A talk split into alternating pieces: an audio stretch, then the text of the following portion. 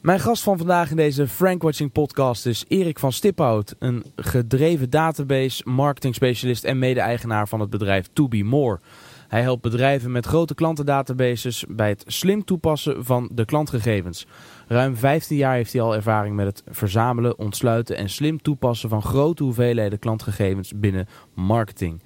Hij is medeoprichter en eigenaar van het bedrijf To Be More, wat ik al zei. Maar daarnaast ook nog van Tenair Software Solutions. Ook weer marketing software oplossingen voor organisaties met grote klantendatabases.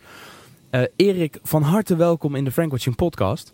Dankjewel uh, Jelle. En wat leuk dat je tijd wil vrijmaken om met mij te gaan sparren en te gaan praten over het artikel dat je hebt geschreven. Gaan we de ambitie van een single customer view waarmaken? En de eerste, artikel, of de eerste alinea van dat artikel, daarin geef je aan het bereiken van een single customer view is voor veel marketeers een grote ambitie. Waarom is dat zo? Um, als je een single customer view, een heel duur woord voor al je klantgegevens, alles wat je weet van de klant uh, bij elkaar hebben. Als je je klant kent, kun je hem beter bedienen. Dat is het oude principe wat uh, vroeger de melkboer al toepaste. Uh, en dat geldt natuurlijk voor grote organisaties met veel klanten ook. klantkennis is, daarmee kun je je klant beter bedienen. Oké, nou geef je ook aan in diezelfde eerste alinea dat het voor de meeste organisaties nog nooit in het, of nog in elk geval nog nooit helemaal binnen het bereik heeft gelegen. En nu meer transacties en interacties online gaan, zou dat eenvoudiger moeten zijn. Toch? en is dat ook zo? Is het tegenwoordig eenvoudiger? Nou, dat is inderdaad een beetje een, een tegenstelling. Uh, door de opkomst van online uh, is het voor veel bedrijven veel makkelijker geworden om klantgegevens te verzamelen. Simpel gezegd, vroeger uh, had je een winkel, daar kocht je iets en dat was voornamelijk anoniem. Mm tegenwoordig gaat steeds meer online. Mensen schrijven zich in voor een nieuwsbrief. Mensen kopen iets online. En daarmee zijn die klantgegevens bekend. Uh, is dus makkelijker geworden. Dus je zou zeggen, het is veel makkelijker om ook een klantbeeld op te bouwen en daar iets mee te doen. Uh, anderzijds zie je dat door de opkomst van online uh, heel veel gegevens in aparte silo's terecht zijn gekomen, in aparte systemen. Er is een systeempje voor de webshop. Er is een apart extern systeem vaak voor een e-mail nieuwsbrief. Ja. Intern uh, hebben bedrijven een uh, CRM, ERP-systeem waarin al hun contracten en transacties worden vastgelegd. En al die data zit op verschillende plekken. Ja. Je kunt het enigszins vergelijken met uh, naar de fysieke wereld. je hebt verschillende magazijnen waar producten staan opgeslagen. Maar je hebt nergens een centraal magazijn waar al die producten samenkomen. In dit geval die klantgegevens. Hoe los je dat dan op? Is er een manier om dat wel samen te voegen bijvoorbeeld?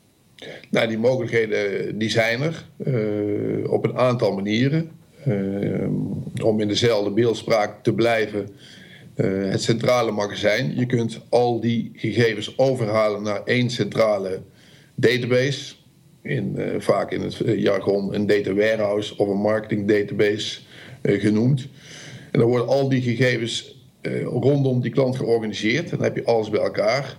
Ehm, dat is manier 1. Manier 2 is, is dat je slimme tooling hebt die uh, in meerdere magazijnen, CQ-databases, kan kijken. En kun je uh, voorbeelden noemen van die slimme tooling, van, van slimme tooling systemen die je daarvoor kan gebruiken? Uh, nou ja, er zijn op de markt uh, meerdere uh, partijen die dit soort tooling aanbieden. En jullie zijn er één van ook, of niet? Wij zijn inderdaad één, één van. En dat is dan waar we het net over hadden, de Tenair Software Solutions? Ja, dat klopt. Okay. Okay. daar bieden wij inderdaad een aantal oplossingen. en daarbinnen is data-integratie, het centraal het samenbrengen van verschillende databronnen met klantgegevens een belangrijk speerpunt. Ja, want je hebt het in het artikel over de targeting op basis van een samengebracht klantprofiel. Met dat samengebracht klantprofiel bedoel je dus alle data die in die verschillende uh, warehouses zijn of beschikbaar zijn, samenvoegen om op die manier een heel duidelijk beeld, of dan een single customer view te creëren. Ja. En dan heb je het er ook over. Het klikgedrag op deze website wordt bijvoorbeeld vastgelegd in Google Analytics. Je hebt een e-mail en campagne management systeem. En van digitale fingerprints om het klikgedrag op persoonsniveau te kunnen herkennen. Dat digitale fingerprints, kun je, kun je dat even uitleggen? Ja, digitale fingerprint. Uh, nou, de naam zegt het al een beetje. Uh, in het Engels een fingerprint, een vingerafdruk. Ehm, als je op het web rondklikt, dan laat je een soort vingerafdruk achter. Ehm, nou, zeg maar een soort, zoals je een cookie, een cookie hebt om gegevens bij te houden, zo heb je ook de, de tegenwoordig de digitale fingerprint. en met die digitale fingerprint kun je klanten eh, herkennen zonder dat ze zich kenbaar hebben gemaakt. En gaat het dan op basis van IP-adres of op wat voor manieren gaat dat allemaal? Ja, dat is inderdaad een. Eh, het, binnen dat fingerprint is het IP-adres een onderdeel van die fingerprint. met nog een aantal andere zaken en dat samen. Er volgt een soort unieke identificatie, die overigens niet helemaal uniek is. de cijfertjes, als je dat opzoekt op Wikipedia, dan worden ongeveer een betrouwbaarheid aangegeven van ongeveer 90 procent. Maar ja, dat is toch best eh, behoorlijk. maar dat is al best behoorlijk. En dat betekent, vertaald naar toepassingen bijvoorbeeld, uh, als iemand op een website komt en je houdt het klikgedrag bij, dan weet je dus nog niet welke persoon erachter zit. Alleen als die persoon twee dagen later weer komt, dan kun je op basis van die klikgedrag, op basis van die fingerprint, diezelfde bezoeker weer herkennen en je content op basis van historisch klikgedrag aanpassen. Oké, dus je wordt echt helemaal gevolgd in de ogen. Je zei, IP-adres is een metric waarmee dat gedaan wordt. Uh, wat is, wat, hoe doen ze dat nog meer dan? Of hoe doen jullie dat nog meer? Bijvoorbeeld als ik een ingelogd ben op Facebook en ik kom op een pagina waar een like-button staat, wordt dat dan ook meegenomen in die fingerprint? Nou ja, als je inlogt op uh, Facebook, dan heb je een soort van kenbaar gemaakt. Je hebt jezelf geïdentificeerd. Uh, ja, de fingerprint, ja zelf, uh, er zitten wat technische aspecten aan die dat samenbrengen. Waarvan ik zelf ook niet ieder detail weet. Ehm, maar het komt er wel op neer dat, dat je daar uh, een bezoeker mee kan identificeren. En wat ik denk ik zeg maar om een beetje uh, de bomen het bos te kunnen scheiden. Een cookie doet feitelijk een beetje hetzelfde. daarmee kun je ook herkennen dat iemand reeds op een website is geweest. Ja. Alleen een cookie is geregistreerd op je eigen pc. Die kun je zelf ook weggooien. Ja. en daarmee is de informatie weg. Een fingerprint staat niet op je pc, maar die wordt in de bedrijf, een systeem van een bedrijf bewaard. En is daardoor voor een bedrijf krachtiger, voor een organisatie. Oké, en is dat dan ja, is dat met meerdere devices ook? Dus ook als je een dag later op je tablet kijkt of op je smartphone of op, je, op een ander apparaat, dan zou die, die fingerprint in stand moeten blijven? Nee, dat is wel een goede aanvulling, want het is inderdaad uh, per device uh, dat dat inderdaad uh, het geval is. Dus het is absoluut geen het walhalla waardoor je iedereen kan identificeren, maar het helpt om Zeker, een bepaalde manier van identificatie mogelijk te maken. Okay. Even los van, eh, sorry dat ik je ontbreek, nee, even, even, los van alle privacy discussies. En dat is natuurlijk uh, met name van, uh, ook voor bedrijven rondom de wet en regelgeving. En daarnaast is het natuurlijk ook gewoon vanuit bedrijven, wat is je beleid op dit vlak? Of je dit wel of niet wil doorvoeren. Misschien is het goed om, je hebt in het artikel heb je een, een voorbeeld aangehaald. Gewoon, stel nou dat je een workshop organiseert en je wilt retargeten rondom de inschrijving van die workshop. Uh, retargeten is het, het opnieuw aanschrijven van iemand waar je al eerder een uh, touchpoint mee hebt gehad. Hè? Ja. En hoe, hoe gaat het dan in zijn werk als je dit als voorbeeld gebruikt, het inschrijven van een workshop? Nou ja, een veel voorkomend iets. in dit geval een inschrijving voor een workshop. een bezoeker komt op een pagina en om je vervolgens in te schrijven voor een workshop moet je door een aantal stappen heen. Eerst klik je met wat informatie over de workshop. Uiteindelijk uh, moet je wat gegevens achterlaten en je moet betalen. In dat proces, uh, bij webshops ook wel het winkelmandje uh, proces genoemd, zie je vaak dat mensen ergens in een bepaalde stap afhaken.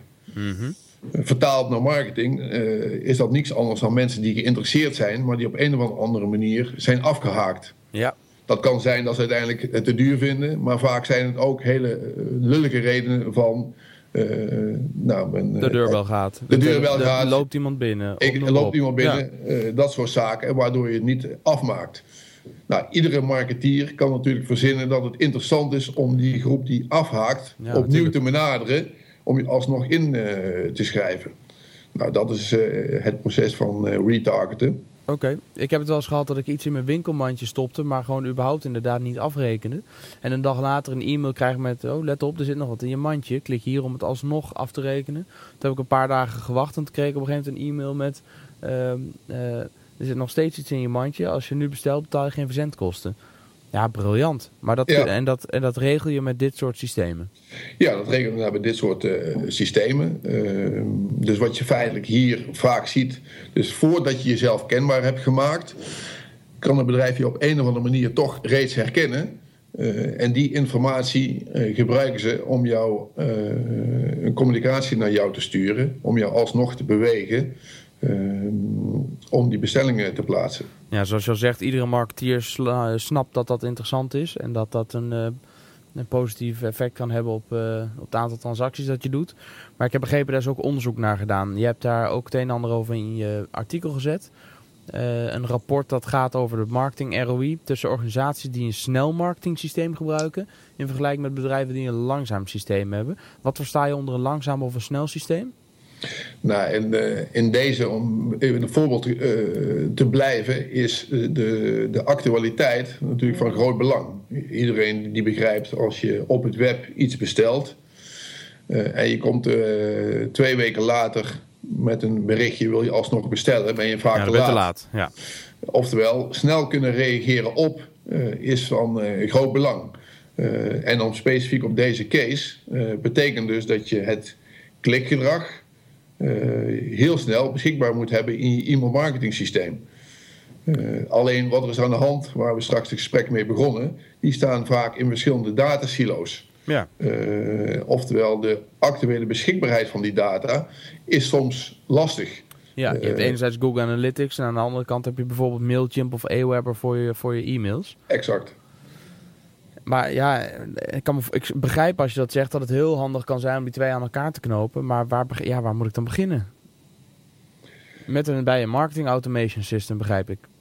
Uh, ja, nou ja, uh, je hebt inderdaad uh, grote bedrijven die daar geavanceerde tooling voor kunnen kopen. maar je kunt inderdaad ook simpel beginnen. bijvoorbeeld inderdaad, je noemt Google Analytics en Mailchimp. Dat zijn beide gratis tools. Eh, waarmee je al heel wat kunt doen. Eh, Ook qua eh, autom automatiseren op basis van gedrag en analytics? Dat wist ik helemaal niet. Nou, als je bijvoorbeeld specifiek, om dit even uit te lichten, in Google Analytics, dat kun je koppelen aan je website. Ja. waarmee je klikgedrag wordt vastgelegd. Iedereen kent wel de mooie rapporten die je dan ziet, hoeveel bezoekers je hebt gehad op je website. Ja. maar daarnaast kun je ook wat wat hun noemen een custom variabele, een eigen variabele in kwijt. En dat kan bijvoorbeeld zijn een identificatie van een klant. Ehm, en daarmee eh, kun je die data ook uit Google trekken. Daar zijn dan, daar stelt uh, Google API's uh, voor ter beschikking. En daarmee kun je die data uit Google trekken en naar je eigen omgeving halen. En die zou je dan kunnen inladen in bijvoorbeeld een Mailchimp waar je ook uh, je klantgegevens hebt staan met e-mailadressen. En als je die kan combineren, dan kun je dat klikgedrag, uh, op basis van een klikgedrag, een e-mail versturen vanuit Mailchimp. Wat goed. En dan is het, uh, nou, het, cirkeltje, het cirkeltje rond. Nou, dan moeten we misschien maar eens een keer een workshop over organiseren. Heel praktisch, hoe koppel je analytics aan Mailchimp? Want ik kan me voorstellen dat er behoorlijk wat nou, misschien met name dat kleinere bedrijven en MKB'ers uh, wel oren naar zullen hebben. Nou ja, precies. Wat, uh, naar aanleiding van dit artikel was ook een vraag van een, uh, van een lezer. Van allemaal mooi, alleen dit is met name voor grote organisaties.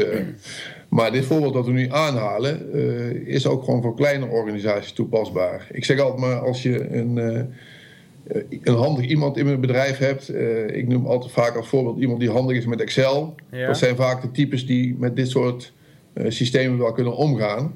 Kunnen het ook aan elkaar knopen. En die kunnen het ook aan elkaar knopen. Er is veel informatie voorhanden op internet. Als je een beetje slim googelt, dan kun je een heel eind komen. Oké.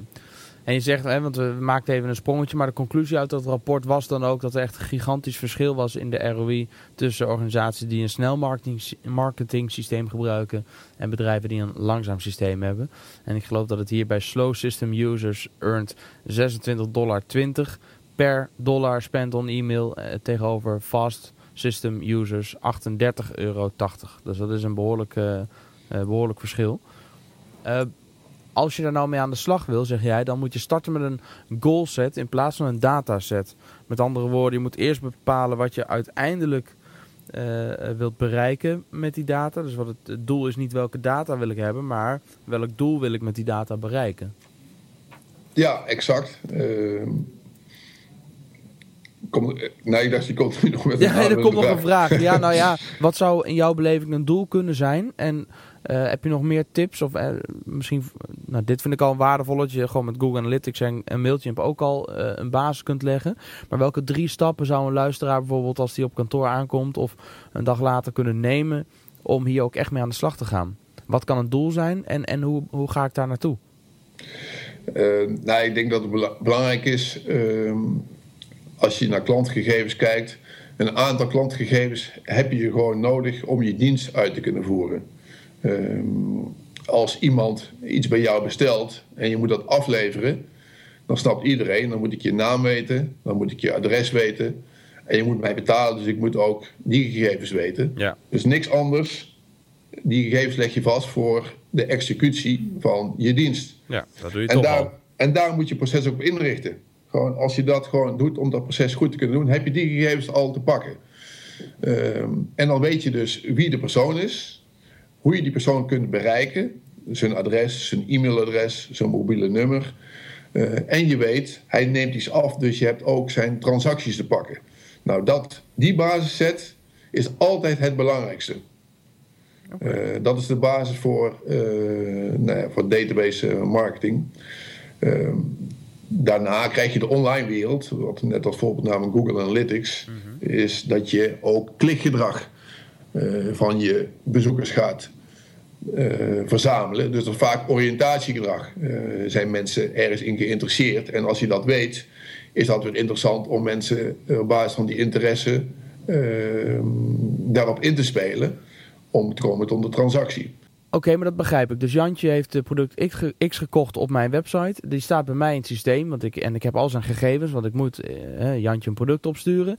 Maar hoe weet ik dan dat als ik het klikgedrag meet van een bezoeker op mijn site, dat dat, dat ook weer Jantje is. Dat ik denk, hé, hey, die kennen we en ik weet wat Jantje interessant vindt. En nu kijkt hij naar een ander product, dus daar wil ik hem dan een e-mail over sturen bijvoorbeeld. Hoe, hoe, hoe maak ik die koppeling? Dat vind ik lastig. Dat, die stap die kan ik nog niet helemaal maken. Ja, nou, eh, je gaf al aan van uh, Jantje koopt iets op de website. Als Jantje iets koopt op de website, dan is ook diezelfde digitale fingerprint ook beschikbaar. Dus wat er gebeurt uh, als die transactie wordt vastgelegd in het systeem, Jantje koopt uh, dit product voor dit bedrag, dan wordt ook die fingerprint vastgelegd. Uh, zodra twee dagen later Jantje uh, zich weer anoniem op de website meldt en gaat rondklikken, ja. dan, dan, weet je de fingerprint. En dan ga je in het systeem kijken, hé, hey, die fingerprint die kom ik tegen bij Jantje.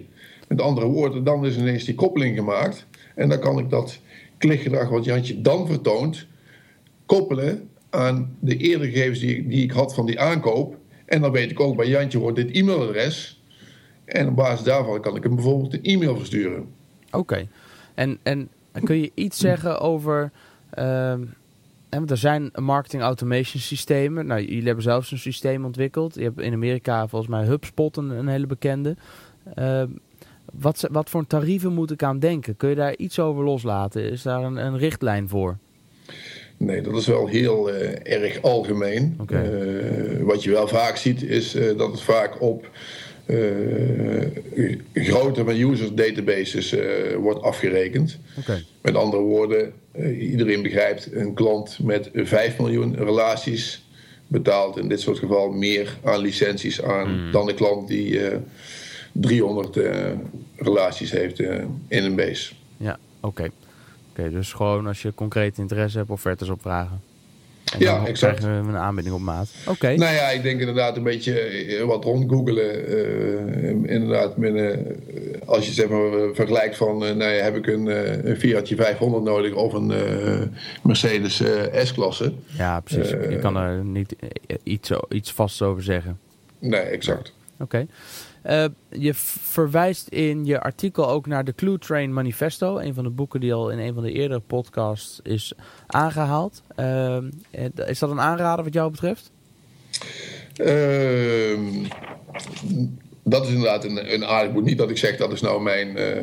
Favoriete boek? Die vraag die komt zo. Alle tijden, maar...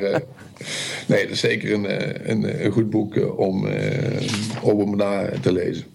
Oké, en die geeft, dat gaat meer over wat data kan doen voor jou als organisatie? Ja, het, het gaat inderdaad uh, dat er niet zozeer uh, om uh, wie het meeste data heeft, maar hoe kun je het nou op een goede manier toepassen. Oké, helder. Dan wil ik nu inderdaad graag naar jouw favoriete boek. daar heb je vast over nagedacht, want die vraag heb ik je van tevoren al toegestuurd. Wat is je favoriete marketing of business of managementboek en waarom? Uh, dat is het boek uh, met als titel Ondernemers zijn ezels. Oh, Ventener van Vlissingen. Exact. Ja, ja. En wat ik met name uh, goed aan dat boek vind, veel boeken zijn toch vaak een opsomming van succesverhalen. En hoe maakbaar het allemaal is en hoe geweldig het allemaal is. En in dit boek gaat Paul Venter van Vlissingen van SRV Macro gaat met name in op niet alleen de successen, maar ook de mislukkingen ja. en de patronen en hoe je samenwerkt in bedrijven. Dus een kijkje in de keuken van een groot bedrijf, maar op een hele open manier. Ja. Uh, en niet alleen van het is allemaal makkelijk en succes is maakbaar, maar soms mislukken dingen. Soms ben je afhankelijk van toeval. Oftewel, nou ja, voor mij iets van gewoon een een beeld zoals uh, het bedrijfsleven, denk ik, hoe het in het bedrijfsleven echt aan toe uh, gaat. En niet alleen maar de mooie verhalen die je soms aan de buitenkant hoort. Ja, absoluut. Nou, ik heb hem ook gelezen met heel veel plezier. Echt een, ja. mij er ook zeker een aanrader. Ja, ja, mooi dat je die noemt. Dan heb ik de volgende vraag. Heb je ook nog een favoriete quote wat je bij, bij wijze van spreken aan de muur zou kunnen hebben hangen? En waarom vind je die nou zo mooi? Ja, dat is wel een, nou, het is bijna een zin, dus quote is misschien. maar wat ik pas hoorde, toen zei iemand uh, onderschat nooit de factor geluk in je succes. Maar besef ook dat geluk toeneemt met doorzetten en veel oefenen. Nice. Heel nice. Je bent ook wel aan de muur. ja, precies. ja, zeker. Wat goed zeg. Ja, want uh, dat, is, nou ja, dat spreekt mij wel erg aan van... Uh, nee, ik, ik, zei net al bij het boek van Paul Venter van Vlissingen... van succes is maakbaar. Als ik dat allemaal hoor, dan denk ik van... nou, succes eh, is niet alleen maar maakbaar. Eh, je hebt ook eh, toeval nodig en andere zaken. Ehm, alleen, ik ben er wel van overtuigd, als je gedreven bent, blijf doorzetten en veel oefenen, dan komt dat geluk vanzelf een keer voorbij en dan heb je te pakken. Ja, dat maakt de vergrote kans op, op dat geluk zeker. Absoluut. Als je de focus erop hebt en gewoon je tanden erin blijft zetten. Ja, mooi. Oké, nou, de, laatste vraag. Want je bent ondernemer, hè? Dat, dat hebben we, daar hebben we het in het begin over gehad. Dan ga ik, en je geeft ondernemers zijn ezels van, van Vlissingen geef je als uh, een van je favoriete boeken. Nou ben ik heel benieuwd, ben jij zelf in die hele ondernemersroute wel eens op je bek gegaan en heb je daar iets van geleerd wat je ook nu met de luisteraar zou willen delen? Uh, nou, ik ben vanzelfsprekend wel door schade en schande soms op een bek uh, gegaan. Uh, niet echt uh, zware zaken. Maar wel, kijk, wat ik zelf persoonlijk altijd lastig vind, is alles rondom het werven en aantrekken en behouden van, van personeel. Ja. Ehm, hiervoor heb ik zelf, zoals velen, voordat je aan start als een medewerker gewerkt. Dan krijg je heel veel dingen niet mee. Um, die je als je zelf personeel gaat krijgen wel gaat meekrijgen. Ja. Met alle zakelijke dingen, maar ook allerlei privézaken die daarbij spelen. En ja, dat maakt het soms allemaal wat minder zwart-wit en genuanceerder. En nou, daar hebben we wel echt de weg in moeten vinden. En en door ja, met name veel ervaring op te doen en uh, proberen open en transparant te communiceren, daar denk ik wel een goede weg in gevonden. Oké, dus jouw tip is dan voor de ondernemers die ook bezig zijn met aantrekken en werven van personeel om open en transparant te blijven communiceren? Nou, tip. Dus, uh, nou ja, hè, wat, wat, kunnen wij ervan, wat, zou, wat kunnen andere ondernemers ervan leren? Ehm, ja, en, en, en is er iets, is er een voorbeeld wat je kan bedenken waarvan je denkt, oh ja, toen, ja, dat heb ik nou echt, dat had ik misschien toen niet handig aangepakt, maar daardoor weet ik nu wel dat ik het de volgende keer zo en zo moet doen. Als je geen voorbeeld hebt, is ook prima hoor, maar, ja, ik vind dat altijd... Nou, wat ik zelf van, maar dat is meer inderdaad uh, van hoe je tegen dingen aankijkt, van uh, open, transparant, maar ook vertrouwen. Uh, meer in het algemeen ik vind dat op dit moment veel dingen in de maatschappij zijn gebaseerd op wantrouwen en op controle. En ik merk als je mensen vertrouwen geeft, zowel zakelijk als privé. Dus als je mensen dingen geeft, dat je die ook terugkrijgt. Ja. het werken wordt prettiger, het leven wordt prettiger. Ehm, en ik moet zeggen van je moet natuurlijk niet naïef daarin eh, zijn, eh, maar met integere mensen eh, heb je nooit problemen. en door vertrouwen te geven, denk ik dat mensen opbloeien, prettiger werken, dingen voor elkaar over hebben. Kortom, iets wat ik denk dat iedereen zou moeten doen. Top Rob, dank je, dank je wel. Of, sorry, top Erik, dank je wel. dan wil ik vervolgens graag nog even naar een reactie die op je artikel is binnengekomen. Van, die heet wel Rob, Rob Boeink. Goed stuk, Erik en Jordi zegt... Ik ben echter van mening dat voordat ze met die ambitie aan de slag kunnen gaan... ze eerst nog een andere uitdaging moeten oplossen. Het technologiegat tussen consumenten en organisaties.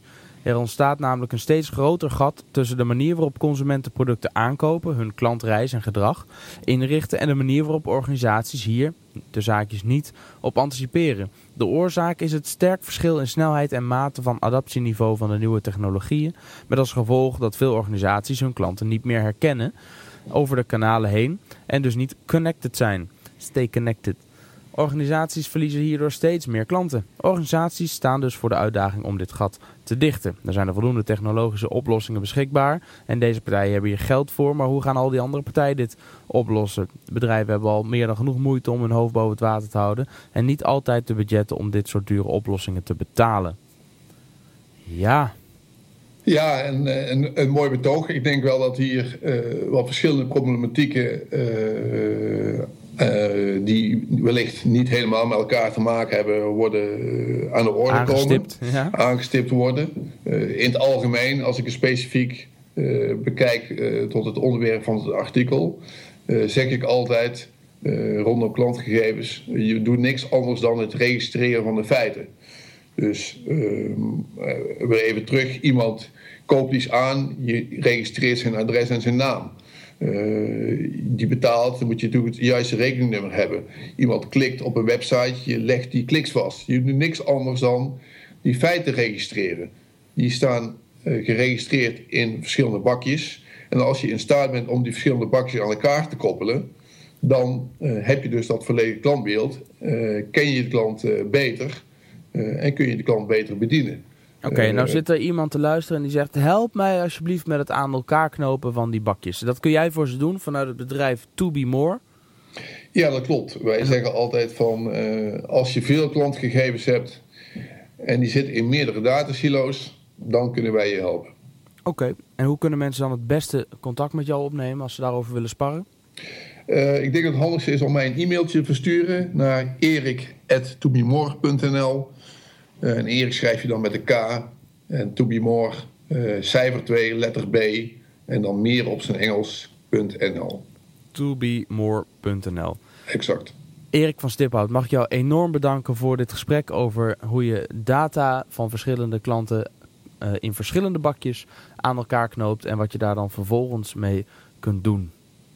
Graag gedaan. Je luisterde naar een aflevering van de Frank Watching Podcast, dit keer met Erik van Stiphout. Laat je reacties achter via Twitter op @jelledrijver of @frankwatching en abonneer je ook meteen even op iTunes als je dan toch bezig bent. En heb je geen iPhone of geen iTunes, dan kan het ook op Stitcher Radio Tune in. En je kunt onze podcast natuurlijk ook gewoon beluisteren op frankwatching.com/podcast. Mijn naam is Jelle Drijver. Tot de volgende podcast.